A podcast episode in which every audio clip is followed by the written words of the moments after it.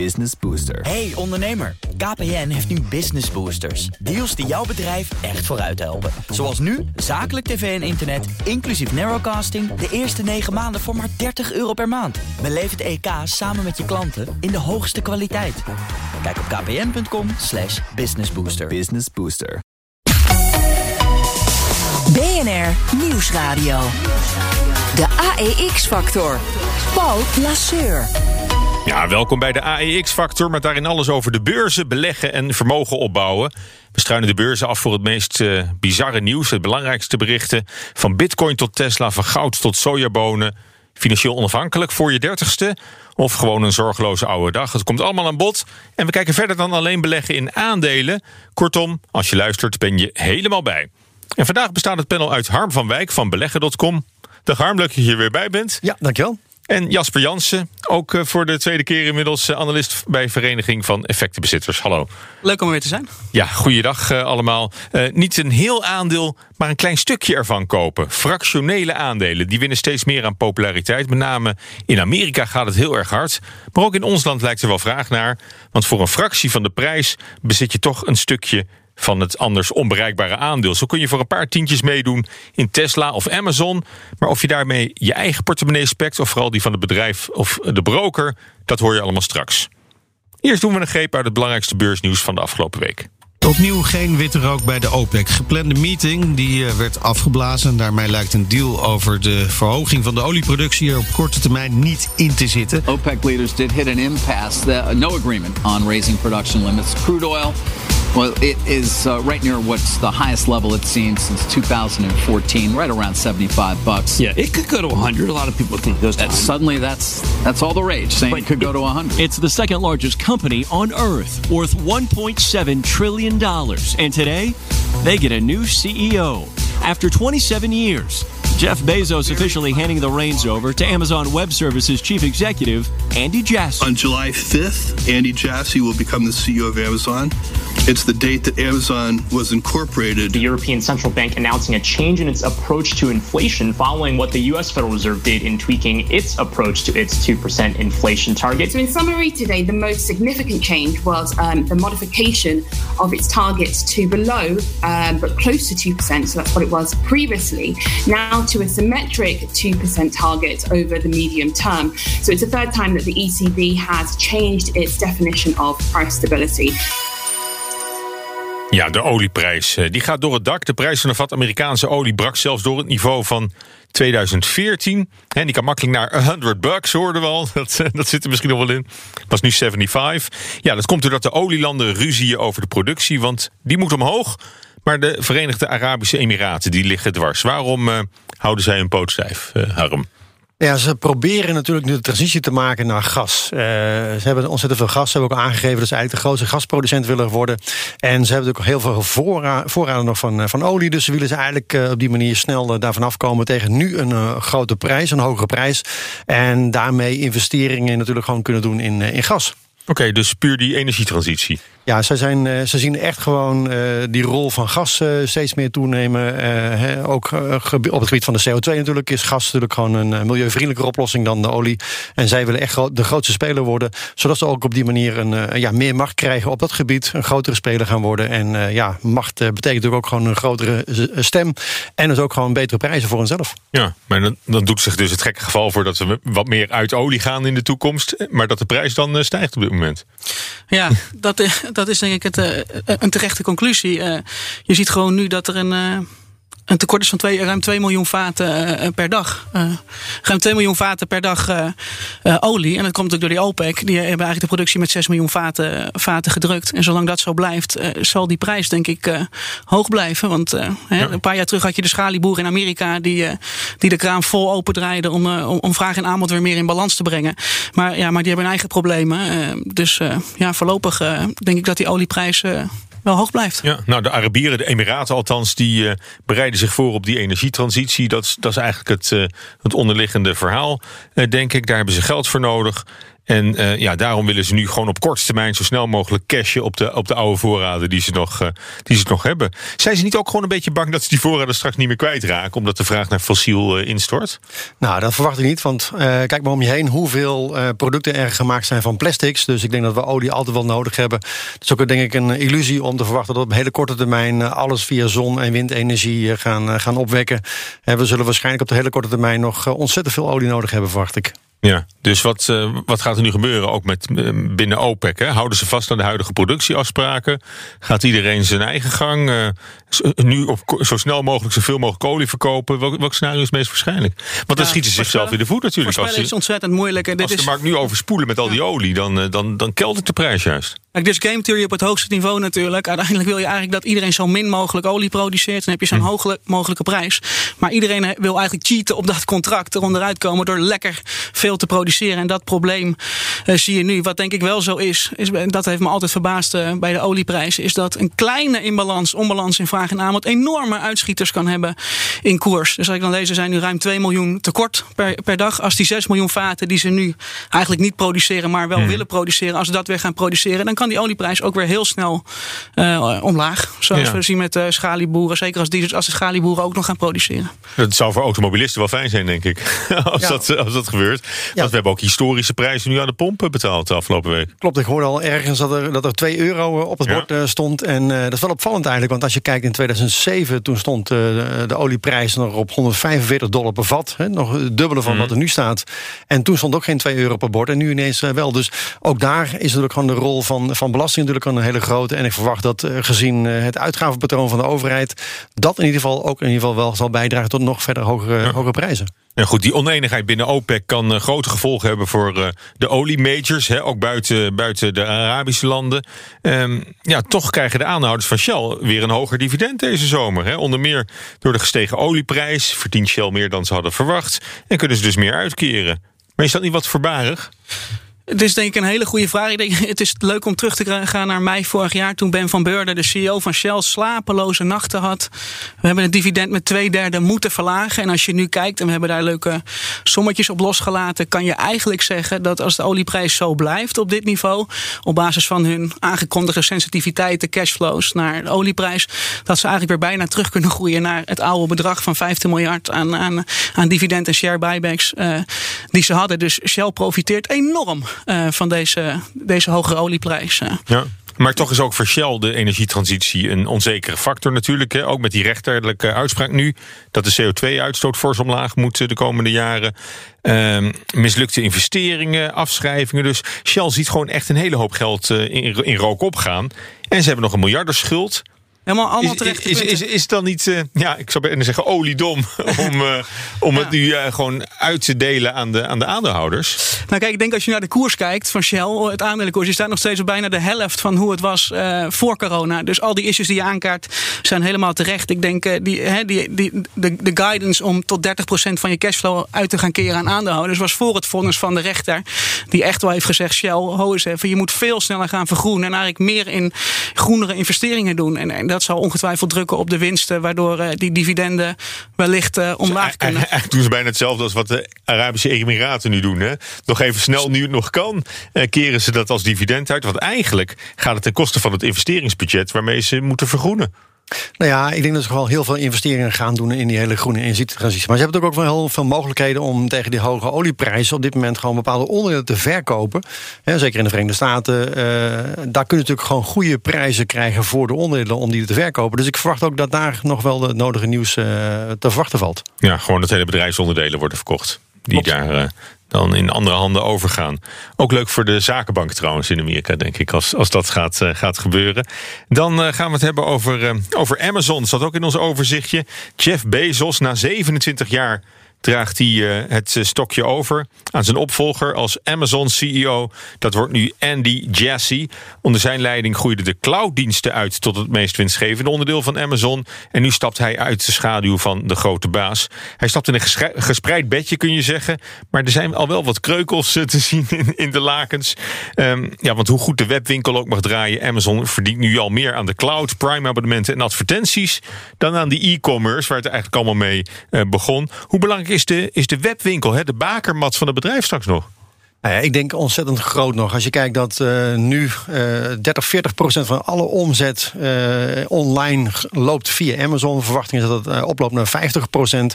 Dat betekent dat Amazon een enorm grote stempel drukt op die hele online verkopen. En daar is ook al gewoon een kwestie, massa is kassa. Dus op hoe groter jouw marktaandeel is op dat gebied, hoe meer jij je stempel kan drukken. En dat doen ze natuurlijk ook gewoon. Hè. Ze bepalen voor een belangrijk deel de marges. Heel veel retailers zijn ontevreden over de marge die ze moeten afdragen. Mm. Uh, klanten zijn wel tevreden, maar werknemers zijn ook ontzettend ontevreden. Het is uh, bijna ja. schandalig hoe ze daar omspringen met, uh, met hun personeel. Ja, ja daar, daar, komen ze op, op over de interne moeilijkheden. Maar als je het hebt over het, het bewaken van dat marktaandeel, dat kost toch ook een hele hoop geld en marketinginspanningen waarschijnlijk. Ja, zeker. Kijk, kijk, het punt is, het is bij, natuurlijk bij uitstek een platformbedrijf. Dit, dit is fijn Amazon. als je het hebt hoor, 50% van de markt. Maar, maar zie het maar eens vast te houden. Ja, kijk, dat is natuurlijk het mooie aan een platformmodel. Daar ontstaan op een gegeven moment netwerkeffecten. Dat als die winkeliers daarop zitten en je hebt al die klanten, al die 150 miljoen vaste klanten die 130 euro per jaar betalen om daar maar te mogen bestellen.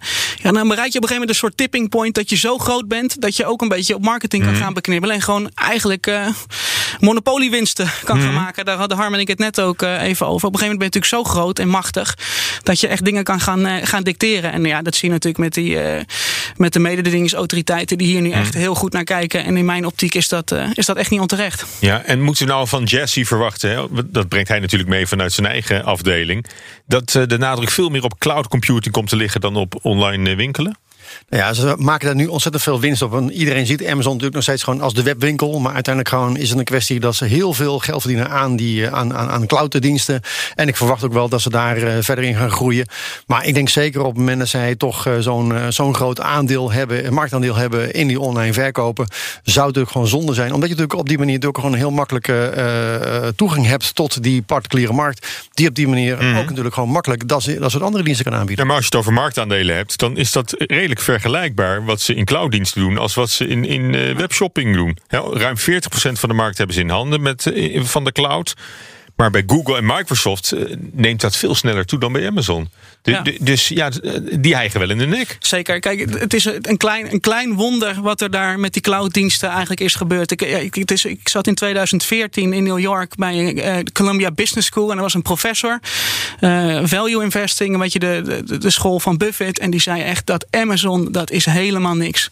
kan niks worden. Ja, het is, het is echt, doet het altijd goed uh, op borrels deze. En die had totaal onderschat hoe sterk zij in clouddiensten zouden worden. Er zei clouddiensten wordt nooit wat, concurrentie is te hevig. Dat kan je, kan je niet doen. Dus dat deze nieuwe man zijn job heeft verdiend is wel waar. Die, die heeft, het is echt een klein wonder wat daar is gebeurd. En die cloud is natuurlijk zoveel meer winstgevender uh, dan die retail-tak. Dus uh, ja, dat is heel erg mooi. Maar je hebt helemaal gelijk. Het bestaat niet dat je dit marktaandeel gaat houden en deze marges kan realiseren. Zonder dat daar heel veel concurrenten gaan proberen een graantje mee ja, te pikken. Dus eh, voor de clouddiensten, ja, dat stopt een keer, hè, die enorme groei. En dan bij, eh, bij de webwinkel eh, gaat het misschien eh, door. Maar je, je zei terecht al, Harm, dat er ook de nodige problemen zijn bij, bij die webwinkelkant. Hè. In, de, in, de, in de, hoe zeg je dat? In, in, in de warehouses moppert het personeel natuurlijk ook enorm. Want die moeten eindeloze nachtdiensten draaien. Producten zijn soms van matige kwaliteit. Hè, Chinese rotzooi. Zit dat de groei ook niet in, in de weg? Gewoon dat interne morren? Ja, nou ja, en ik denk het wel. Want uiteindelijk is het natuurlijk toch gewoon... een, een bedrijf is natuurlijk niet alleen maar gewoon een, een balans. Uh, het gaat natuurlijk uiteindelijk om de mensen die daar werken. En uh, daar moet je natuurlijk gewoon denk ik, heel goed voor, uh, voor zorgen. En als je kijkt hoe daarmee om wordt gesprongen. uiteindelijk is het natuurlijk het doel om alles te robotiseren. Zodat er gewoon helemaal geen mensenhand meer aan te pas komt. Alleen dat levert natuurlijk ook weer allerlei maatschappelijke ja, vinden, vinden de vakbonden ook weer niet fijn natuurlijk. Ja, die komen heel moeilijk binnen natuurlijk. Ja. En, en, maar als je dus nu ziet hoe, hoe mensen moeten met een app... en moeten ze heel, heel snel ergens op reageren. En als ze niet snel genoeg zijn, dan, dan missen ze de boot. Dus er is amper tijd om uh, een toiletbezoek uh, ja, maar ook, ook, ook, in de distributie, hè, de chauffeurs en de medewerkers in de magazijnen, de arbeidsomstandigheden, de media. Dat, hè, je kunt je ook voorstellen dat medewerkers de machtswissel aan de top nu aangrijpen om, om hun punt te maken. Ja, dat is een terecht punt. Dat, dat zou ik doen. Ja, dat, dat, dat, gaat ook denk ik gebeuren. En dan roept bij mij de vraag op, als je kijkt wat gebeurt er nou eigenlijk. Iedereen doet alsof Jeff Bezos ruimtepak aantrekt en nooit meer terugkomt. Maar als je kijkt, die wordt geen commissaris. Die wordt gewoon, die blijft uitvoerend bestuurder. Die gaat chair executive heten. Hmm. Ja, maar mijn indruk is dat hij toch stevig de, de touwtjes in, in, in, handen blijft, uh, blijft houden. Maar het zou alleen op publicitair, zou, ja, begrijp ik eerlijk gezegd niet dat er hier niet, niet meer aan wordt gedaan. Kijk, hij wil natuurlijk alles robotiseren. Maar dat betekent niet dat je personeel nu al als robots uh, moet Hmm. behandelen. En dat is in feite wat hij doet voor, uh, ja, laten we zeggen, in de warehouses. En inderdaad ook als het gaat om de, de vrachtwagenchauffeurs. Ja. Maar goed, en, en dus die externe partijen die hun producten via Amazon aanbieden. Dat, uh, dat loopt ook niet allemaal even lekker natuurlijk. Ja, dat, dat is denk ik de, echt een hele interessante voor, voor aandeelhouders. Dus kijk, het is een platform. En Amazon verkoopt eigen producten op dat platform.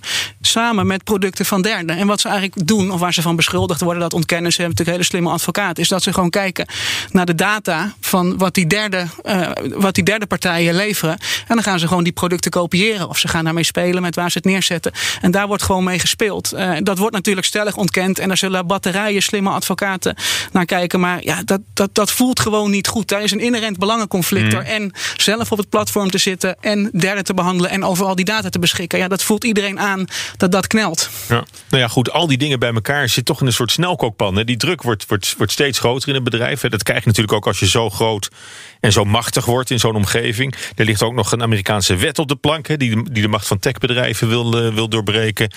Wat is in jullie opvatting nou het grootste risico voor Amazon? Al die dingen op hetzelfde moment, hè? een beetje de perfecte storm waar je niet in wil, wil komen.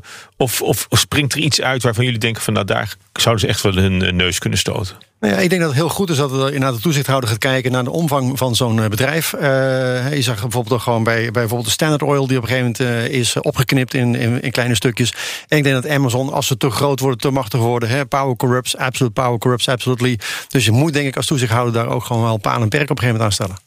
Dus die toezichthouder, dat is denk ik wel een heel een reëel risico voor het, uh, voor het bedrijf. Nou ja, en hij gaat ook de ruimte in natuurlijk nog. Hè? Ja, met, ja. zijn broer en een ja. betalende passagier. Maar hij is toch nog afgetroefd met negen dagen door, uh, door Richard Branson. Ja, dus ik, is, ik, las dat hij een miljard per jaar uh, of per twee jaar uit Amazon haalt om daarin te investeren. Dat is echt wel een, een rijke luishobby, kunnen we zeggen. Dat, de ruimte is ongelooflijk. BNR Nieuwsradio. De AEX-factor.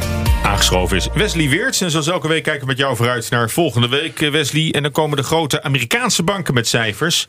Hoe staan ze er eigenlijk voor? Nou, verschillende banken komen met cijfers. Denk aan banken als JP Morgan Chase, Wells Fargo, Goldman Sachs. En bij de laatste presentatie, dus dat was de presentatie van de eerste, uh, het eerste kwartaal, toen versloegen ze nagenoeg allemaal de verwachting van analisten ruimschoots zelfs. JP Morgan zag zijn winst vervijfvoudigen. Goldman Sachs, daar was de winst zelfs zes keer zo hoog. En dat die banken zo goed presteerden, dat had in de eerste plaats te maken met de aantrekkende Amerikaanse economie. Want die banken die hadden in de maanden daarvoor die stroppenpotten flink aangelegd. Hè. Die reserves waren bedoeld voor leningen die door de coronacrisis mogelijk niet terugbetaald zouden worden. En ze anticipeerden op de neergang van de economie. Maar die financiële tegenvallen, die was uiteindelijk veel minder groot dan werd verwacht.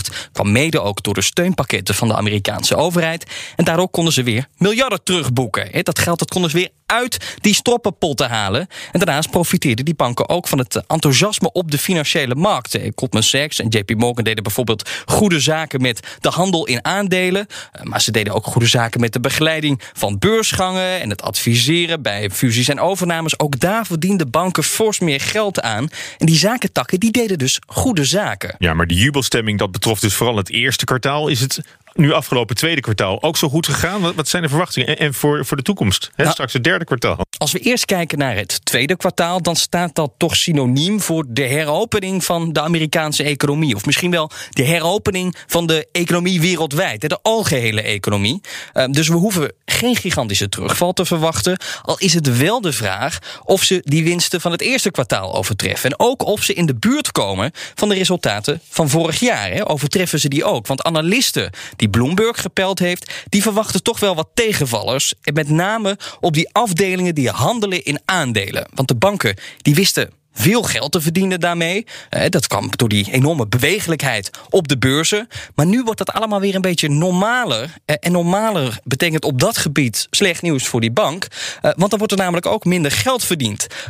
Op, op, op, op die beurs. en ook ben ik wel benieuwd wat die zakentak doet. Normaliseert dat ook weer een beetje? Of wordt er nog altijd een flinke pak geld mee verdiend? En verder zijn er natuurlijk ook nog wat losse dingen. Of ja, wat je maar los kan noemen. Het coronavirus speelt natuurlijk ook nog altijd. Op verschillende en in verschillende delen van de wereld laait dat weer op. Nou, daardoor zijn er ook zorgen over het tempo waarin de economie herstelt. Maar goed, ja, als we daarnaar kijken, is toch een beetje de waan van de dag. Kijken we verder vooruit, dan zijn die banken toch gewoon positief over de toekomst. Al drukken dingen als de lage rente nog altijd op de resultaten, maar dat speelt al veel langer. Lange termijn ziet er gewoon goed uit. En de verwachting is dan ook uh, dat die economische groei de komende tijd doorzet. President Biden stopt ook veel geld in de economie. Denk aan dat plan om, nou weet ik veel hoeveel geld, het gaat echt om honderden miljarden. Die wil hij steken in het verbeteren van bijvoorbeeld wegen, internetverbindingen, het vergroenen van de economie. Nou, dat moet die economie een boost geven. En kijken we ook gewoon naar hoe dat die banken ervoor staan. De Fed heeft recent nog die stresstest gedaan. Uh, en, en ja, alle grote Amerikaanse banken die slaagden allemaal met vlag en wimpel. Zelfs in de heftigste economische scenario's die de Fed op de banken losliet, beschikten ze over meer dan voldoende kapitaal. En dat betekent dus dat die banken, zoals van oud weer, dividend kunnen uitkeren, die aandeelhouders kunnen belonen. Maar dat zegt ook wel iets over hoe dat die banken ervoor staan. En dat is echt niet zo heel erg slecht. BNR Nieuwsradio, de AEX-factor. Niet een heel aandeel, maar een stukje ervan kopen. Fractionele aandelen winnen steeds meer aan populariteit. Met name in Amerika. Maar ook in ons land lijkt er wel vraag naar. Want voor een fractie van de prijs bezit je toch een stukje van het aandeel. Zo kun je voor een paar tientjes instappen bij Tesla of Amazon. Ja, je kunt fractionele aandelen kopen van een beursgenoteerd bedrijf, van een private onderneming. Jasper, in, in, in welke mate verschilt dat van elkaar? Nou ja, je hebt, volgens mij heb je twee, ruwweg twee categorieën. Je hebt nu de, het blokkerverhaal. Misschien komen we daar nog mm te spreken. Dat je eigenlijk min of meer het bedrijf zelf, fractionele aandelen uitgeeft via een loyaliteitsprogramma waarin mensen spulletjes bij blokker kunnen kopen, punten sparen en dan kunnen ze die fractionele aandelen krijgen.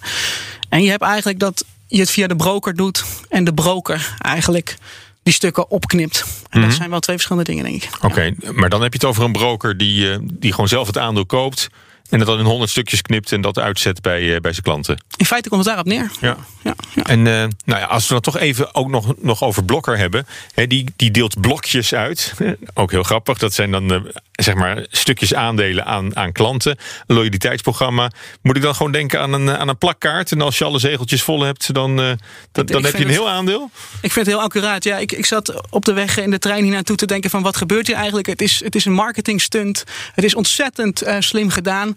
Maar het gaat eigenlijk helemaal nergens over. Ik zat te, ik zat te rekenen van hoeveel, uh, hoeveel moet je nou uitgeven bij Blokker om één certificaat van een aandeel bij elkaar te sparen. En dat was, dan moet je voor 1600 euro aan spullen bij Blokker kopen. Um, ja, dat, dat zijn dat wel heel veel pedaalemmertjes en, uh, en zwabbers, ja, denk ik. denk dat weinig mensen dat, uh, dat redden. Dus ja, nee. En het is ook nog een certificaat. Je hebt geen, geen rechten. Je weet niet eens wat dat aandeel waard gaat zijn. Dus het, het is dus je, eigenlijk je, je wordt ermee in de, in de praktijk natuurlijk nooit mede-aandeelhouder. Of mede-eigenaar ja, van. Per van definitie bij dit product niet, want ze, hè, ze scheiden de e- economische rechten van de juridische rechten. Dus je krijgt ook geen stemrecht. Er staat letterlijk in, in, nou, in het document. zit er ook niet in, denk ik. Voorlopig als je, niet. Als je kijkt hoe Blokker presteert. Ja. Nee, nee, dus dat, nee, dat is een ja, meer een lolletje, denk ik dan. En het zal iets van loyaliteit wellicht kweken, maar dat kunnen we niet echt als een serieuze belegging beschouwen, ben ik bang. Ja. Waarom iets, iets voor jou misschien? Nou, ik kom niet zo heel vaak bij de blokker. Dus uh, ik, nee, ik zou ook niet heel snel denk ik 1600 euro aan pedaal immers uit gaan geven, denk ik, uh, om, om een aandeel te, te, sparen. En ik denk dat ik dan inderdaad eerder een voorkeur heb voor andere aandelen dan denk ik een aandeelblok. Maar is het marketing of heeft het bedrijf zelf ook echt, echt wel er wat aan? Ik denk, in, in, financieel, in financieringsopzicht. Maar dat is een hele goede vraag. Het, het, is puur marketing, want je krijgt, het zijn echt bonuspunten. Je betaalt echt geen euro om die, uh, om die blokjes te krijgen waar je de certificaten mee maar, kan kopen. Maar het, het is niet voorsorteren voor een serieuze beursgang bijvoorbeeld. Nou, daar zijn ze wel mee bezig. Maar ik, ja, er was gewoon in de QA van zo'n document stond van ja, hoeveel van de aandelen is dan beschikbaar gesteld bij een eventuele beursgang. Ja, daar konden ze geen uitspraken over doen. En het is, ja, je, dat kan 1% zijn of een half procent of 5%. Je hebt geen idee. Hè. Het is eigenlijk uh, het is heel sympathiek, maar uh, een blokker is van ons allemaal natuurlijk. Dat is het sentiment ja, ja. waarop in wordt gespeeld. Maar het, het, het, het, is, het is eigenlijk niks. BNR Nieuwsradio. De AEX-factor. Bij mij nog altijd Harm van Wijk van beleggen.com en Jasper Jansen, analist bij de Vereniging van Effectenbezitters. Ja, die uh, fractionele aandelen waar we het over hebben. Het klinkt ook wel aantrekkelijk hè, om, een, om toch een stukje van een bedrijf te bezitten waarvan de aandelen eigenlijk onbetaalbaar zijn geworden. Ja, nee, dat, het, het klinkt uh, heel sympathiek. Uh, ik denk bijna, bijna een soort nobel streven. Het democratiseren van het beleggen. Je, je, je, kan een klein stukje kopen. En, en tot op zekere hoogte is dat ook zo. Hè? Amazon of een ik, ik, hoor, ik hoor wel een maar. Ja, nu kun je voelt, uh, je voelt hem aankomen. maar, maar uiteindelijk zijn dit natuurlijk gewoon commerciële partijen... die, die winst willen maken. En, en, en hoe kleiner je het opknipt, hoe kleiner het wordt... hoe makkelijker het wordt om te beleggen. En hoe sneller en hoe vaker je gaat handelen. En hoe meer je, ja, je toch gaat verliezen en kwijtraken ja. aan aan kosten. En dat alle, is een risico. Alle, alle transactiekosten die, die komen daar natuurlijk bij. Uh, hoe, hoe kijk jij daar aan tegen die ontwikkeling? Ja, uh, het is ook een kwestie van hoe vaker je dat, dat in kleine stukjes knipt, uh, hoe meer spread je natuurlijk ook bepaalt, uh, betaalt. Hè. Dus het verschil tussen bied- en laadkoers is op het moment dat jij gewoon 100 fracties in een aandeel hebt. En dan wordt er gezegd, ja, dat is maar 1 cent spread. Maar uiteindelijk gewoon met 100 stukjes heb je natuurlijk toch gewoon weer gewoon dan een, een, euro of, een, of 100 euro spread. Dus uiteindelijk is dat natuurlijk ook gewoon een kwestie, denk ik, waar heel veel mensen gewoon niet naar kijken. Dat zie je bijvoorbeeld bij CFD's of bij, mm. bij Turbo's natuurlijk ook al heel snel. dus aan de ene kant is het wel goed. Hè. Ik ben een, een groot voorstander van dat steeds meer mensen gaan beleggen. Uiteindelijk is het ook een kwestie, zeker met deze lage ja, dat, spaarrente. Dat, dat, dat, is die democratisering. Hè? Dus dat ook jongeren en minder kapitaalkrachtige beleggers... dat die, dat die ook uh, dat soort kampioenen kunnen opnemen in hun portefeuille. Ja, en ik denk dat dat goed is. Hè. Als je kijkt naar de Verenigde Staten bijvoorbeeld... daar belegt ongeveer 50% van, uh, van, uh, van de bevolking. Hier ongeveer zo'n 15%. Dus ik denk dat er echt nog wel een hele weg te gaan is... voordat we ook hier meer een, een beleggersklimaat gaan krijgen. En ik denk dat dat heel goed is. Hè, want Nederland is mm. een spaarzaam volkje. En ik zou het heel graag zien dat mensen meer een beleggingsvolkje gaan worden hier in ja. Nederland. Ja, maar goed, ik, ik kan me voorstellen dat voor het, voor het grote publiek... dat er een paar van die kampioenen zijn, Amazon en Tesla. De, daar wil je gewoon in beleggen. Maar, maar je, je kan het niet betalen. Maar is het nu zo dat als je daar via fractioneel beleggen toch instapt... dat je dan uh, zoveel verliest aan, het, uh, aan de transacties in feite. En aan de, aan de handeling door, door de broker die het jou aanbiedt. Dat je lang, die, lang niet die rendementen haalt die, uh, ja, die, die mensen die een heel aandeel bezitten maken. Ja, dat is een goede vraag. Kijk, daar ben je zelf natuurlijk ook bij. Als jij gewoon ook een fractioneel aankoopt, uh, een fractioneel aandeel koopt en je houdt hem gewoon voor de lange termijn aan, uh, ja, dan is daar natuurlijk ook niet zo heel veel mis mee. Maar ja, mijn angst is een beetje, wat je ziet, is dat hè, dit gaat uh, met apps met allemaal toeters en bellen om snel te handelen. En dat dat die kleinere bedragen aanzetten om, om, om meer te handelen. En, maar het, het, past wel in de trend van gamification van het beleggen. Ja. Dat is waar we het hier vaker over, over gehad hebben. Ja, daar ben ik dan. daar ben je niet zo voor. Nee, nee, ja, ik, ik zeg altijd. Ik heb dus. Hè, die, maar jij bent ook de vereniging van effectenbezitters. Ja. Hè? Dat is natuurlijk een, een, een degelijke oude club. Ja, nou ja, dat, dat ben ik zelf misschien ook een beetje. Al zie ik er misschien niet zo oud uit. Maar nee, toen ik begon met beleggen, moest je bellen met de broker. En dan moest je nog draaien. En dan, dan kreeg je dat was allemaal rustig. En dan kon je een order inleggen. Toen werd het via internet, dat ging al sneller. En nu heb je apps waarin je met één druk op de knop uh, uh, kan handelen. En dat is uiteindelijk echt niet in het belang uh, van, de, van de belegger. Ik zeg altijd, je moet gewoon stelregels hebben om juist niet. Hè? Je bent zelf hmm. je ergste vijand. Emoties is het allerergste dat je in emoties uh, gaat handelen. En uh, bijvoorbeeld, ik heb een vuistregel dat als een aandeel meer dan 5% daalt, dat ik nooit die dag ga verkopen, maar een dag later. Omdat ik eerst ga nadenken, waarom daalt dit aandeel 5%? Is mijn investment case echt helemaal omgegooid? Of is er eigenlijk op de lange termijn helemaal niets aan de hand? En met die apps en de toeters en bellen word je aangezet om meteen te verkopen en dan morgen weer bij te kopen. En dat is gewoon niet de manier om, ja. hoe je op de lange termijn geld verdient met beleggen, vind ja. ik. Ja, jij, ja, ja, kijk, kijk er ook eens tegenaan. Jij, jij bent ook niet echt van het, van het gamen, volgens mij, hè, op de beurs. Nou ja, ik, ik, wat ik al zei, ik vind het wel heel erg leuk als meer mensen gaan beleggen. En ik kan me ook wel voorstellen dat er zeker met de huidige techniek natuurlijk wel mogelijkheden zijn. Hè. Als je bijvoorbeeld kijkt naar de, de hele blockchain-technologie, waardoor je op die manier, net als met de Bitcoin, hoef je niet echt gelijk in een hele Bitcoin te kopen, eh, maar kun je ook gewoon in satoshis handelen. Dus ik kan me voorstellen dat op het moment dat je nu ook gewoon steeds meer de opkomst van tokens ziet, dat je op die manier gebruik maakt van die huidige technologie om dus zo'n aandeel in een stukje te knippen, waardoor je op die manier toch eh, meer eh, ja, makkelijker ook zo'n aandeel kan kopen. Want inderdaad, een Adyen of, of, of een, een Amazon voor een paar duizend dollar wordt het gewoon heel erg lastig om eh, bijvoorbeeld ook gewoon maandelijks eh, een bepaald bedrag in te, eh, Mhm. in te leggen. En dus daarom, ja, ik zie er wel voordelen ook, ook wel aan, aan, aan die verdere gamification. Ik denk dat het ook leuk is. Hè. Beleggen is ook hartstikke leuk. Dat hoeven jullie ook niet uit te leggen, denk ik. Maar heel veel mensen die gaan liever naar de tandarts en dat ze bezig zijn met die fin- financiële zaken. En daarom is het denk ik ook wel belangrijk om, om toch ook gewoon te kijken van hoe kunnen we die beleggingsmarkt gewoon leuk maken. Ja. Nou, nou kiezen bedrijven er zelf ook wel eens voor, hè? Voor, een, voor een stoksplit. Als de nominale koers van hun aandeel te hoog is eh, geworden. Zit daar niet een beetje dezelfde gedachte achter? Dat je de drempel verlaagt en daarmee een aantrekkelijker en couranter aandeel wordt voor een groot publiek? Ja, nou, er is natuurlijk één wezenlijk verschil. Als een bedrijf zelf een stoksplit doorvoert, dan blijf je gewoon één aandeel kopen. Het is alleen minder waard en je krijgt er meer. Hier eh, doet de broker dit. En dan betekent dus eigenlijk als je een aandeel van 100 hebt en je smeert het uit over vier, eh, vier beleggers, dan heeft ieder een aandeel van 25 en dan heb je kwart aandeel. Maar ja, je bent helemaal geen aandeelhouder meer, want dat ben je alleen met z'n vieren. En als je met z'n vieren naar de aandeelhouders gaat, dan kom je niet naar binnen, want je hebt maar één aandeel. Dus je wordt, je, je wordt eigenlijk eh, word je geen aandeelhouder. En als je goed kijkt hoeveel van deze spelers het echt aan de achterkant doen, dan bezit je zelfs niet met z'n vieren één aandeel, maar is dit via CFD's, Contact for Difference. En dat is allemaal ja, wat technisch wordt. Maar het komt erop neer dat je gewoon helemaal onderliggend de stukken niet hebt. Maar als het ware een contract met de aanbieder of de broker aangaat, dat jij eh, een bepaald koersrendement krijgt. Eh, en daar, daar horen weer hele andere risico's bij. Dus dat, dat is ook een element waarvan ik denk, ja, daar, daar moet je heel goed uitzoeken voor je met- fractionele aandelen gaat beginnen. Ja, Robinhood is zo'n eh, aanbieder. Hè? Die, eh, de, de broker-app die biedt fractioneel beleggen aan. Onder het mom van beleggers stimuleren om zo divers mogelijk te kunnen investeren.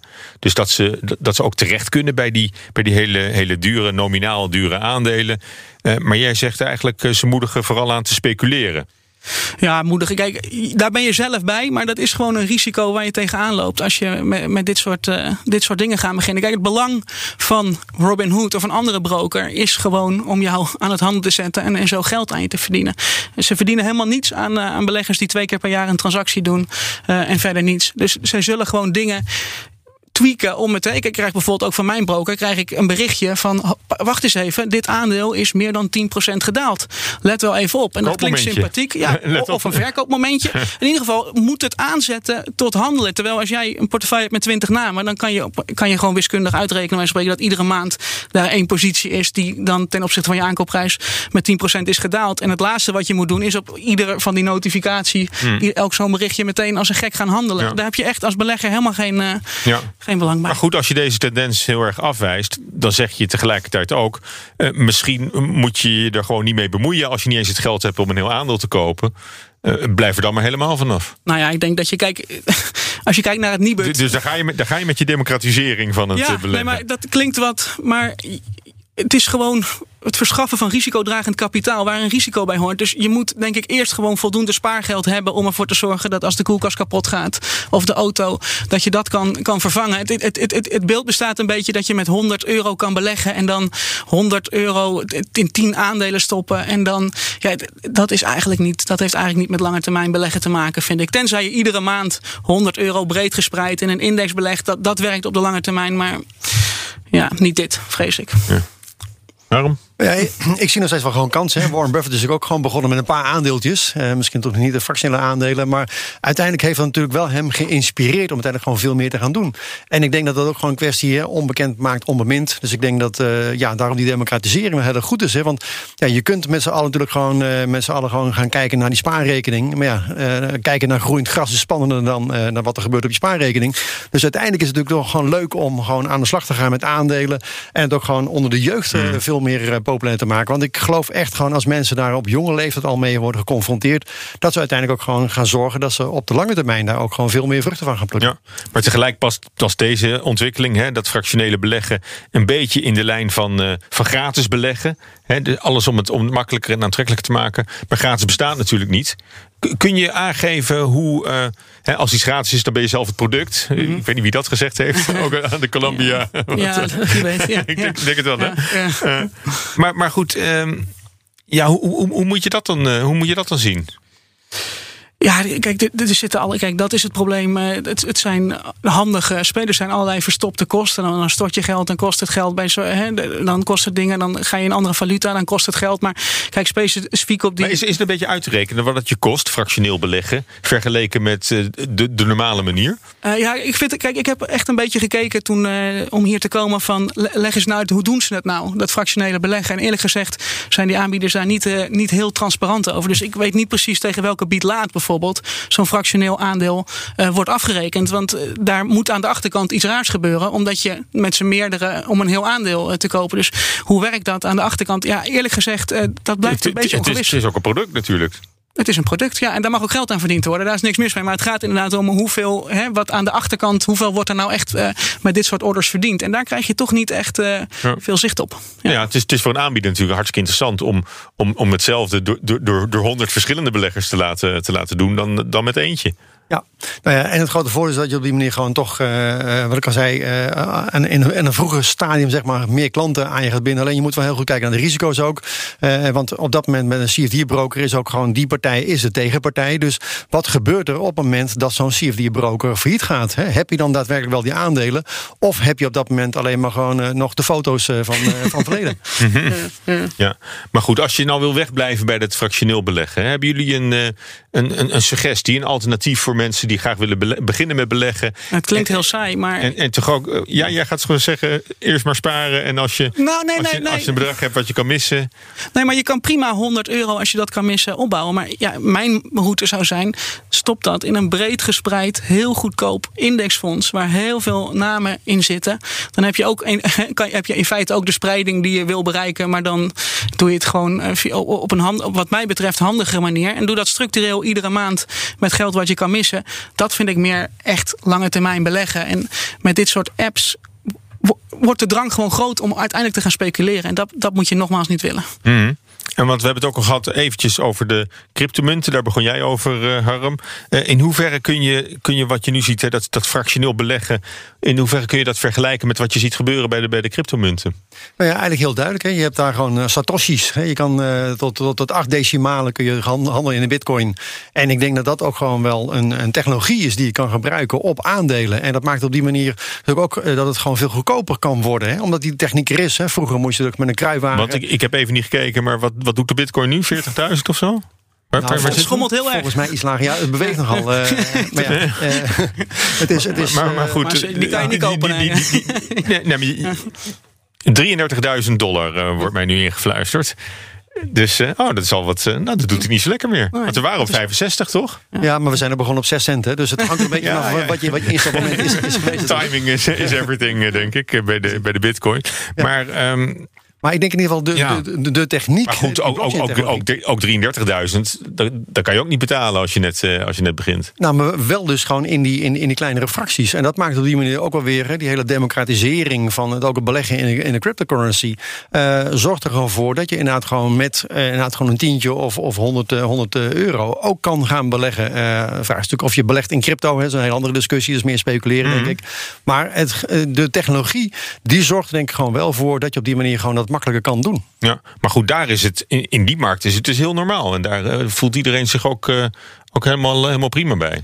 Ja. Maar, maar misschien heb je dan toch een categorie beleggers eh, te maken die, eh, ehm, ja, die toch al bereid is meer risico te nemen. Of die toch veel speculatiever is ingesteld Ja. van nature. Ja, het is, kijk, het is een wezenlijk ander product natuurlijk, crypto's en, en aandelen. En dan kom ik toch even terug op de, op de aandeelhoudersrechten. Want als VEB'er gaat me dat aan het hart. Eh, wij gaan naar alle aandeelhoudersvergaderingen. En dat hoort ook, vind ik, dat is onlosmakelijk aan een aandeel verbonden. Is dat je kan stemmen over de beloning van de CEO. Eh, dat je, als ze een overname willen doen en je vindt het niks, dat je daar tegen kan stemmen. En dat je het bestuur in de ogen in een vergadering kan aankijken.